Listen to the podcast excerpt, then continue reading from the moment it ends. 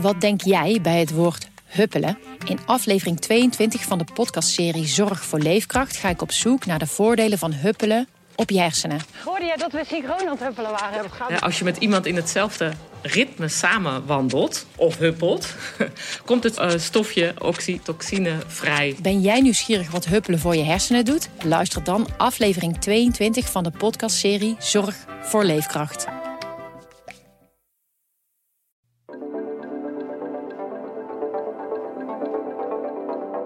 De Zeeuwse onvrede is veel moeilijker te duiden. Mij verbaast het niet dat het PV in de Zeeuws-Vlaanderen zo hoog scoorde. Ja, net als in Vlissingen bijvoorbeeld. Hè? Als je kijkt naar Zeeuws-Vlaanderen, waar de PVV dus ook erg groot is, dan zie je daar Douw, Yara, Zeelands Refinery. Er is een grensoverschrijdend uh, havenbedrijf, Zeeland Seaports. Daar werken natuurlijk ontzettend veel mensen uh, die niet oorspronkelijk uit Nederland komen. Ga je daar een stop op zetten, dan komen die bedrijven enorm in de moeilijkheden. Dus het is echt penibel voor de Zeeuwse economie. Vanaf de redactie in Middelburg is dit de PZC deze week. Mijn naam is Noortje de Kroo. Wat betekent de verkiezingsuitslag voor Zeeland? Ik vraag het Ernst-Jan Roosendaal en Rolf Bosboom. Zagen jullie de uitslag aankomen? Nou, eerlijk gezegd niet, nee. Ik moet uh, wel bekennen dat ik enigszins uh, van mijn stuk was gisteravond. Ja, je weet dat het spannend is. En dan zie je die uitslag en dan blijkt het eigenlijk helemaal niet meer spannend te zijn. Met een uh, soort monsterzegen. Ja, dat vond ik echt wel verbazingwekkend. Ja, dat geldt voor mij ook. Uh, ik hield er zelfs rekening mee dat de PVV niet per se de grootste hoefde te worden. Ik verwachtte dat het VVD het beter zou doen dan ze gedaan hebben. Maar ik hield er aan de andere kant ook wel weer rekening mee, maar dan niet met deze straatlengte voorsprong. Nee, want in de laatste peilingen leek het nog niet op de, op de zegen voor Wilders die het uiteindelijk is geworden. Nee, dat klopt. Iedereen uh, voorspelde een nek-aan-nek race ja. uh, tussen PVV, uh, VVD en GroenLinks PvdA. En ja, we waren voorbereid op een enorm spannende verkiezingsavond. En toen kwam de exit poll en toen was eigenlijk al duidelijk, ja, zo ontzettend spannend is het niet meer. want er is één afgetekende winnaar. En dat is de PVV. Ja, die zege is echt ongekend. Nou, in ieder geval uh, uh, heel erg groot, ja. Ook al gelijk het gevoel dat uh, ja, toch een soort nieuw tijdperk lijkt aan te breken. Ja, waarvan we moeten afwachten wat, wat het gaat brengen. Dat gevoel had ik wel heel sterk. Zo van ja, we, we gaan nu een, een nieuwe politieke fase in. Die heel spannend is en ook interessant is. Ja, want wat zijn de bijzonderheden in, um, in Zeeland? Nou ja, als je de, de, de gehele uitslag bekijkt, dan valt eigenlijk vooral op dat hij niet zo heel veel afwijkt van de landelijke uitslag. Mm -hmm. De PVV is iets groter geworden dan landelijk. Maar dat scheelt maar een fractie. En ook bij de andere partijen uh, zie je dat de verschillen niet zo heel erg groot zijn. Natuurlijk, de SGP haalt hier wat meer stemmen. Uh, D66 en de combinatie GroenLinks P van de A wat minder. Uh, en de PVV is een 10 van de 13 gemeenten gewoon de grootste partij geworden. Uh, dat geeft ook aan dat hier gewoon een, ja, een afgetekende overwinning is. En in feite zijn er maar drie gemeenten die dus afwijken. In, in Rijmerswaal is de SGP traditiegetrouw de grootste. Dat is dus eigenlijk een afwijking die je altijd ziet. Ja, die, die, die kun je verwachten. Uh, Middelburg, daar is GroenLinks P van de A de grootste. Dat is wel opvallend. En ook Veren uh, verbaasde mij, want daar is de VVD de grootste. Terwijl de VVD is echt afgestraft. Hoe zou het komen dat er in Veren dan, uh, dat hij dan daar toch groter is gebleven? Ja, dat blijft voor mij ook een mysterie. Want ook bijvoorbeeld in de gemeenteraad is de Veren daar niet de grootste partij. Dus dat, dat, ja, dat ze nu uitgerekend wel de meeste stemmen halen, dat is lastig te verklaren. Ja. Um, ja, daar kun je over speculeren, maar uh, ik zou op dit moment geen goede, goede, goede nee. uitleg kunnen verzinnen. En in Middelburg zou je kunnen denken van daar komt, hè, daar is veel discussie geweest over de komst van een AZC. Maar dan zou je juist verwachten dat de PVV daar groter is geworden. En dat is niet gebeurd. Nee, kijk, het is natuurlijk een feit dat uh, veel mensen op de PVV hebben uh, gestemd vanwege de, de asiel- en immigratieproblematiek. Omdat dat een speerpunt is van die partij. Maar het is eigenlijk heel opvallend dat je in Goes, waar uh, allerlei dingen spelen rond de opvang van asielzoekers. En in Middelburg, je uh, toch zo'n uiteenlopende uh, uitslag krijgt. Uh, in Goes de PVV de grootste. Hè, Goes een, een gemeente die vaak stemt op de manier zoals Nederland stemt. Oh ja, en, dat is echt zo'n gemiddelde, ja, gemiddelde gemeente. Ja, en in Middelburg zie je dan dat GroenLinks PvdA de grootste wordt. En je zou zeggen van, ook al woon je niet in de buurt van de Kleine Hoge... waar ze een asielzoekerscentrum willen gaan bouwen je zou je kunnen voorstellen dat er misschien wat uh, onrustige gevoelens bij veel Mildenburgers zijn die dan zeggen om die reden ga ik op de PVV stemmen. Maar in ieder geval heeft dat er niet voor gezorgd dat de PVV daar de grootste is geworden. Ook wel vallend natuurlijk als je kijkt waar, waar de PVV echt uitschieters heeft. Uh, Zeeuws-Vlaanderen zijn ze heel erg groot. Dat was al te verwachten. Waarom? Ja, nou ja, als je een paar jaar geleden kijkt, toen was Forum heel erg in opkomst. En bij de statenverkiezingen was de grootste partij. En ook toen eh, sprong Zeeuws-Vlaanderen daarin uit. De lokale partijen doen het altijd goed. Dus daar hebben gevestigde partijen toch altijd wat lastiger. Dus ja, mij verbaast het niet dat het PVV in Zeeuws-Vlaanderen zo hoog scoorde. Ja, net als in Vlissingen bijvoorbeeld hè? Vlissingen, is ook zo'n gemeente waar, waar dat soort partijen het goed doen. Noord-Beveland, ook altijd behoorlijk hoog. En de grootste verrassing vond ik eigenlijk vooral Tolen. Is dan de overeenkomst van die gebieden dat dat dus uh, wat meer de de agrarische gebieden zijn? Nou, voor Vlissingen geldt dat natuurlijk niet. Ik denk dat het uh, uh, gebieden zijn waar heel veel langer geleden de Sociaaldemocraten, zeg maar de oude P van de A groot was. Uh, SP is er ook vaak, heeft ook vaak goed gescoord. Dus, en dat daar veel onvrede is uh, bij die traditionele aanhang. En dat die uh, echt ook zoekende zijn naar de partijen die hen vertegenwoordigen. En dat dat in ieder geval niet de gevestigde partijen meer zijn. Ja, dat mensen echt teleurgesteld zijn in de politiek. Denk in de wel. gevestigde politiek, zoals je dus in heel Nederland eigenlijk ziet. Maar dat in die kernen het meest in Zeeland dan naar voren komt. Ja, zo, zo zou je kunnen, kunnen formuleren. het gevoel van niet serieus worden genomen. Of, of het idee hebben dat, dat je benaderd wordt. Dat, ja, dat speelt in bepaalde regio's meer dan in andere regio's. Noemde net al even Tolen, dus dat vond ik wel een hele opvallende. Uh, SGP is natuurlijk daar ook uh, van oudsher een grote partij. Maar die blijft echt flink achter bij de PVV op dit moment. Ja, dat, dat is wel opmerkelijk. En die scoren eigenlijk net zo hoog als in Zeeuws-Vlaanderen momenteel. Ik probeer, ook daar probeer ik een verklaring voor te bedenken. Maar de echte verrassing zit natuurlijk uh, in die andere gemeenten waar de PVV het grootste is geworden. In Zeeuws-Vlaanderen, als je weet dat de PVV heel hoog staat in de peilingen, dan weet je in Zeeuws-Vlaanderen zullen ze het goed doen. In Vlissingen mm -hmm. zullen ze het uh, goed doen. Maar wat natuurlijk geldt voor heel Nederland is, hè?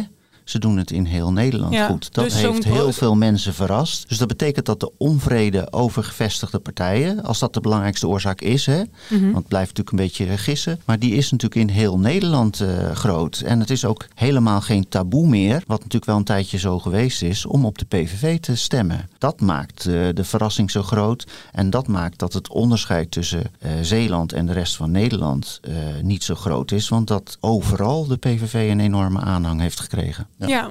Ook in gemeentes als Capelle, Schouwen, Duiveland, waar je het eigenlijk helemaal niet, niet zou verwachten. En toen doen ze het net zo goed als in, uh, als in de rest van het land. Nog niet zo lang geleden waren de provinciale statenverkiezingen in maart. Toen werd de BBB heel goed. Zijn dat dan mensen die toen op de BBB stemden, hebben die nu op de PVV gestemd? Ja, dat zie je deels wel. Kijk, ik denk dat je zou kunnen zeggen dat uh, het landelijk beeld toen vergelijkbaar is met het landelijk beeld nu. In de zin dat een niet gevestigde uh, partij, de PVV is weliswaar geen nieuwkomer, uh, maar dat een niet gevestigde partij echt een enorme monsterzege scoorde. Waarbij de kiezer eigenlijk zegt, we willen dat het anders gaat. En en een half jaar geleden bij de Provinciale Statenverkiezingen zeiden ze dat al door uh, massaal te kiezen voor Forum voor Democratie. Ja. Nou ja, dus uh, en zou een maand geleden de verkiezingen gehouden zijn, ja, wellicht was Pieter Omtzigt met zijn uh, NSC dan wel de grootste ja. partij geworden. Dus je ziet dat de kiezer gevoelig is voor een ander geluid. Precies, iets nieuws. Maar dat die daarin niet per se trouw is. Uh, dus dat er op een allerlaatste moment toch in een soort impuls wordt gekozen voor... ik denk nu dat dit de partij is die het anders gaat doen. Ja, maar waar komt die Zeeuwse onvrede volgens jullie dan vandaan? Dat is een heel, heel moeilijk te duiden. Je kunt volgens mij beter toch zeggen waar komt die landelijke onvrede vandaan. En dan denk ik dat veel mensen, of ze nu om de hoek ermee te maken hebben of niet, dat veel mensen uh, toch gevoelig zijn voor uh, wat er speelt op het gebied van immigratie. Kennelijk hebben veel mensen ook hun gedachten over Europa. De islam speelt een rol. Misschien dat uh, het conflict tussen uh, Israël en Hamas uh, op de achtergrond nog wel een beetje heeft meegespeeld. maar in ieder geval zijn dat allemaal bouwstenen van de onvrede. En de Zeeuwse onvrede is veel moeilijker te duiden.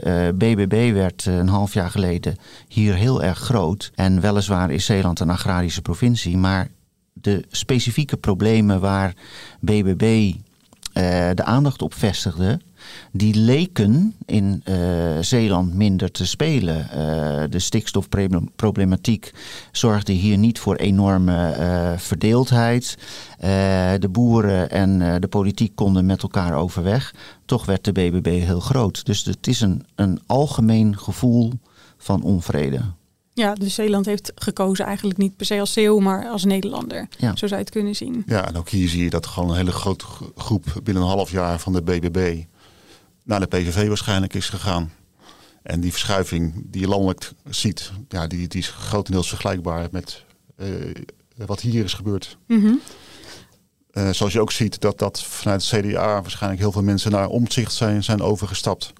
Uh, die, het is een behoorlijke groep trouwens, want als je ziet hoe wat er van, van het CDA is overgebleven in Zeeland, dat is niet, niet heel, heel, erg veel. Het is nog wel iets meer dan landelijk, maar we hadden ooit hier het Johannes debat-effect, die heel veel Zeeuwse stemmen trok voor het CDA. Ja. En dat is behoorlijk geminimaliseerd inmiddels. En ook daarvoor al toch. Ik bedoel, ik weet dat mijn uh, oma bijvoorbeeld, ja, het was geen vraag op wie die ging stemmen. Dat, die stemde altijd op het CDA en volgens mij vele met haar. En dat werd steeds minder. Zij stopte daar op een gegeven moment gewoon mee. Ja, maar nu heeft nog maar 4% van de Zeeuwen op, op CDA gestemd. Hè? Ja, dat is echt heel weinig. Ja, dat, ja. En, en, een half jaar geleden was het nog uh, ruim 11%.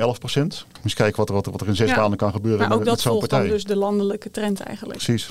Even terug naar de, naar de uitkomst. Want in het programma van de PVV gaat het uh, veel over uh, migratie. ze hebben het daarbij niet alleen maar over asielzoekers, maar ook over, over arbeidsmigranten en studenten dat betekent best veel voor Zeeland, denk ik. Ja, kijk, wat je ziet is dat uh, de kiezer heeft een heel duidelijk signaal afgegeven. Hè? Uh, die hebben eigenlijk gezegd van we willen nu dat er geluisterd wordt naar Wilders en de PVV. Het is natuurlijk volstrekt logisch dat als je zo afgetekend wint, dat je het initiatief krijgt om een kabinet te gaan formeren. Dat betekent dat het ook logisch is om nog eens nader naar het programma van de PVV te kijken. En dat, dat heb jij gedaan. Ja, en te kijken van wat zou dat kunnen betekenen uh, voor Zeeland. Nou, hij heeft uh, gisteravond, uh, toen de verkiezingsuitslag bekend werd, heeft hij nog eens een keer onderstreept dat hoewel hij een aantal punten, vooral als het gaat over de islam, zoals hij het noemt, in de ijskast heeft gezet, hè, dat hij wel als belangrijkste probleem nog steeds vindt de massa-immigratie. En dan gaat het niet alleen over asielzoekers.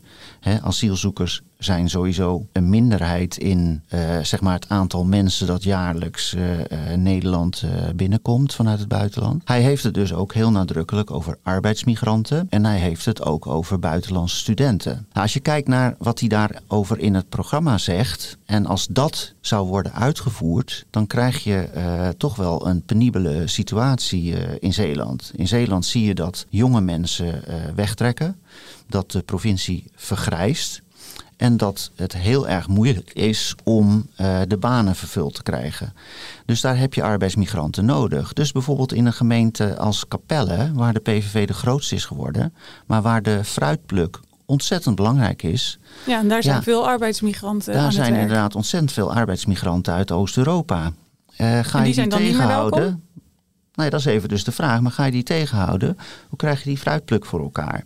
Als je kijkt naar Zeeuws-Vlaanderen, waar de PVV dus ook erg groot is, dan zie je daar Dow, Yara, Zeelands Refinery. Er is een grensoverschrijdend havenbedrijf, Zeeland Seaports. Daar werken natuurlijk ontzettend veel mensen uh, die niet oorspronkelijk uit Nederland komen. Ga je daar een stop op zetten, dan komen die bedrijven enorm in de moeilijkheden. Dus het is echt penibel voor de Zeeuwse economie is natuurlijk niet gezegd dat het zo ver komt.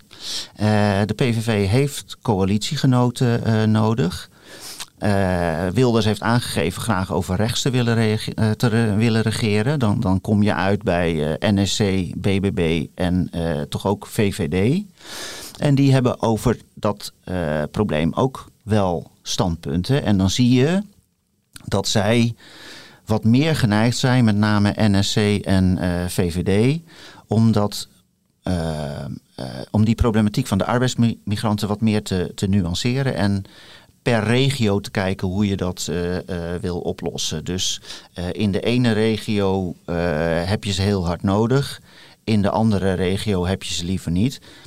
Ik heb geen idee hoe je dat in de praktijk tot uitvoer brengt, maar je kunt je wel voorstellen dat er ergens naar een compromis wordt gezocht. En zo kun je ook kijken naar de, de Hogeschool Zeeland bijvoorbeeld. Heel veel buitenlandse studenten. Als je uh, zegt, uh, die studenten die willen we hier niet meer en we gaan ook lesgeven in het Nederlands, dan uh, komt het voortbestaan van de hogeschool zelf in gevaar. Dus dan doe je iets wat nadelig is voor de Zeeuwen die bij de hogeschool willen gaan uh, studeren. Dus de problematiek is heel complex en uh, ja, daar zal Wilders een antwoord op moeten zien te vinden. Wat je zei over dat er dan regionale verschillen zouden zijn, dat klinkt, uh, voor, dat klinkt voor mij in de oren als waar het uitkomt. Mogen er best mensen uit het buitenland blijven werken? En waar het niet zo uitkomt, um, moeten ze dus uit Nederland wegblijven? Nou ja, als je ziet dat je met een stop op arbeidsmigranten in een bepaalde regio hele grote problemen gaat veroorzaken, dan kan ik me voorstellen dat je als partij zegt van ja, in zijn algemeenheid willen we graag die uh, immigratie terugdringen. Maar we willen natuurlijk niet de economie van Zeeland om zeep helpen. Nee. En dan moet je dus zoeken naar, oh, kunnen we dan uh, dingen differentiëren? En het is ook de vraag wat hij precies met immigratie bedoelt. Hè? Want gisteren had hij het over de asiel tsunami. Ja, dat is net weer iets anders dan de arbeidsmigranten volgens mij. Ja, het is ook een beetje een woordspelletje dan op een gegeven moment. Hè. Migratie is natuurlijk zo breed. Ik, volgens mij is maar een klein deel van, de, van die migranten is, is dat zijn echte asielzoekers. Nou ja, ik, volgens mij is 11% van uh, uh, de immigranten uh, asielzoeker. Dus dan heb je uh, bijna 90% komt om een andere reden uh, uh, naar Nederland. Is ook vaak uitgenodigd door bedrijven of door, door universiteiten. Maar in het programma van de PVV staat toch echt wel heel erg letterlijk dat de instroom van asielzoekers en andere migranten fors verminderd moet worden.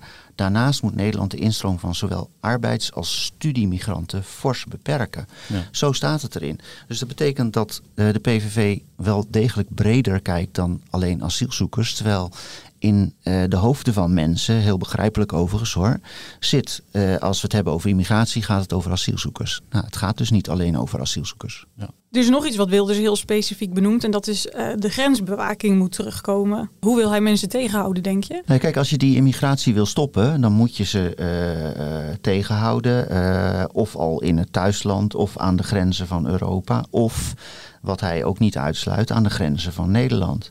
Uh, dus dat zou uh, betekenen dat je grensbewaking opnieuw invoert. Hij geeft zelfs aan dat je daar uh, het leger voor in kunt zetten. Want hij zegt defensie, dat betekent ook het verdedigen van je eigen landsgrenzen. En je kunt dus ook defensie inzetten om de asielstormloop op ons land te stoppen. Zo staat het letterlijk in het programma. Ja, uh, dat betekent dan wel uh, dat ik me probeer voor te stellen hoe gaat dat eruit zien. Zeker betekent... in Zeeuws-Vlaanderen, in zo'n ja. zo'n grensregio. Ja, betekent dat dat daar straks uh, soldaten bij SAS van Gent staan die auto's gaan controleren. En dat je als je lekker gebruind terugkomt van vakantie met je paspoort moet bewijzen dat je Nederlander bent. En niet een illegale Marokkaan die over de grens probeert te komen. Ja, het zou kunnen. Maar ik denk dat ja. het praktisch heel moeilijk is. Ik denk ook dat je er een aantal Europese regels echt voor moet veranderen. Want op dit moment kan dat eigenlijk helemaal niet. Nee, maar dat is natuurlijk ook wel um, een beetje wat, wat die partijen willen, toch? Die willen helemaal niet al die Europese regels. Nou ja, ik denk dat, dat iemand als Wilders, en er zijn andere partijen die dat ook zeggen, van ja, uh, kijk eens, uh, het gaat ons om Nederland. En in Nederland maken we uit wat onze regels zijn. En we moeten eens stoppen met alleen maar die Europese regels voor, uh, volgen.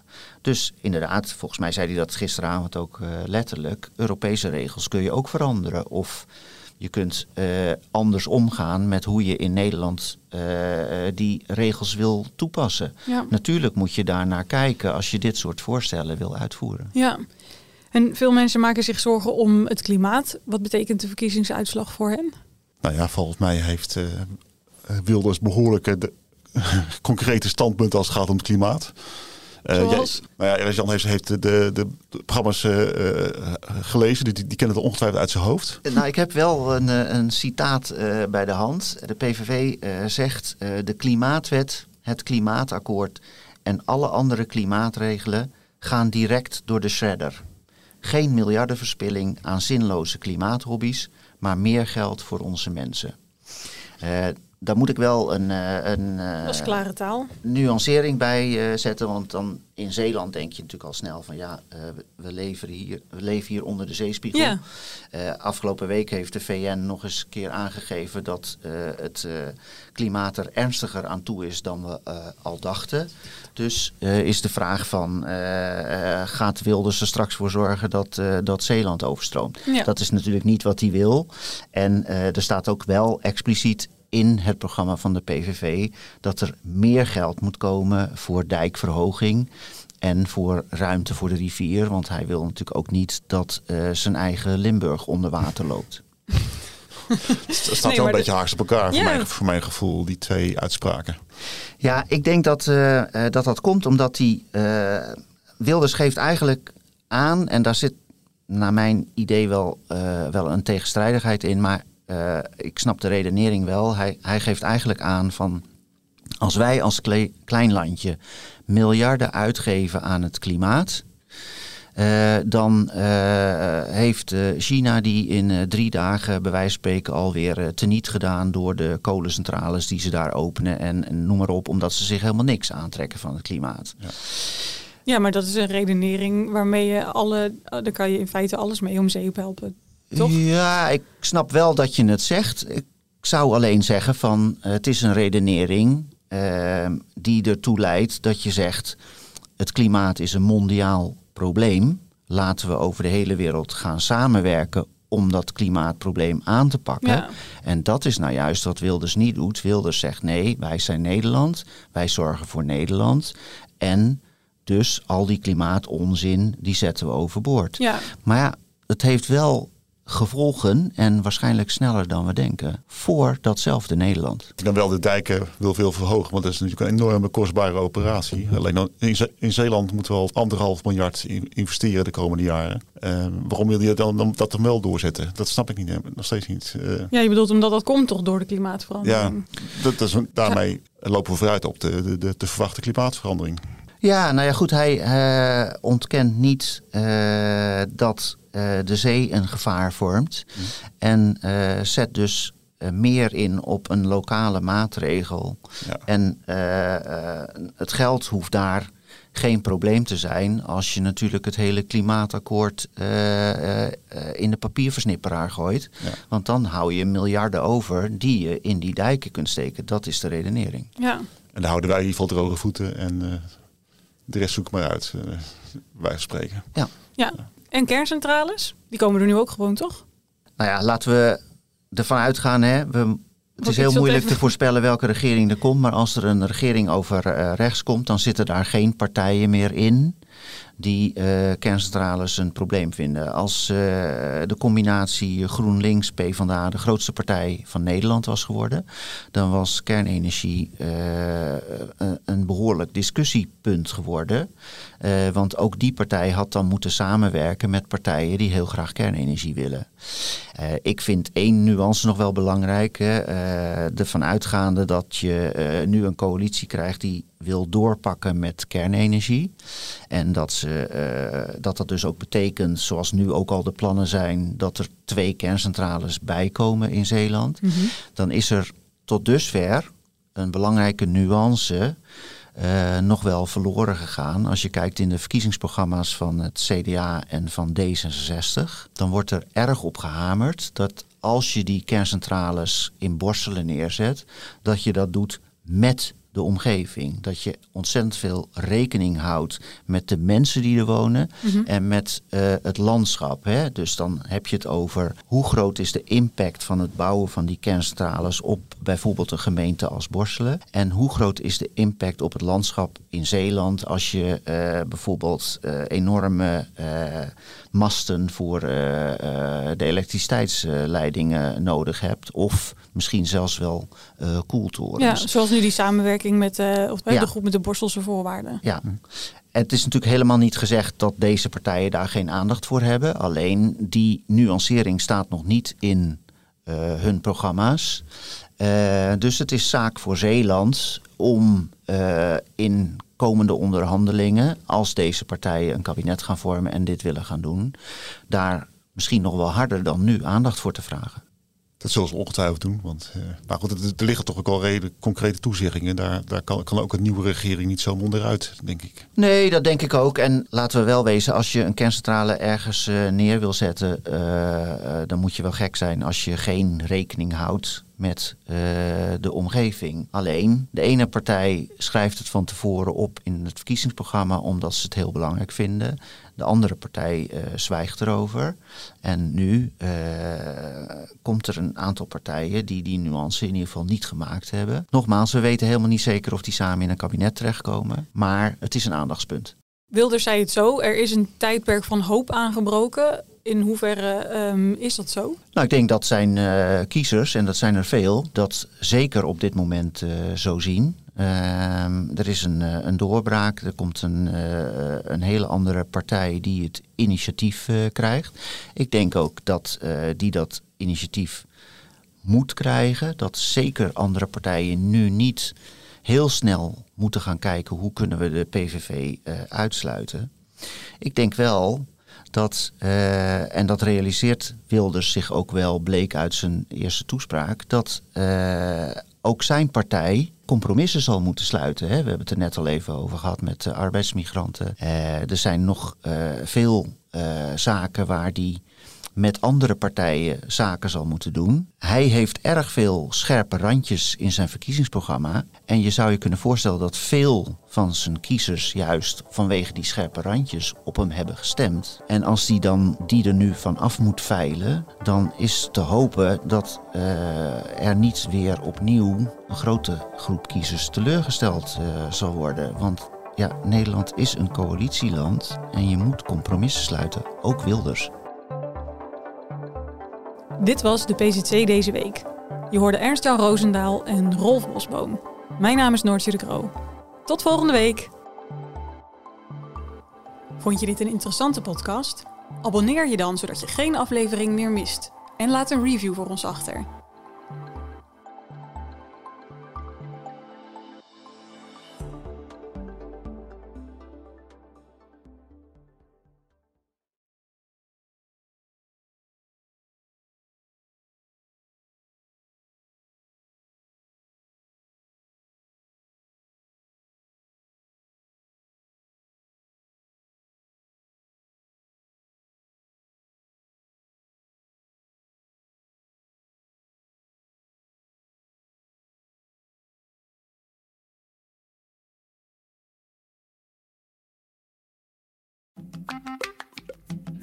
Wat denk jij bij het woord huppelen? In aflevering 22 van de podcastserie Zorg voor Leefkracht ga ik op zoek naar de voordelen van huppelen op je hersenen. Hoorde jij dat we synchroon aan het huppelen waren? Ja, als je met iemand in hetzelfde ritme samen wandelt of huppelt, komt het uh, stofje oxytocine vrij. Ben jij nieuwsgierig wat huppelen voor je hersenen doet? Luister dan aflevering 22 van de podcastserie Zorg voor Leefkracht.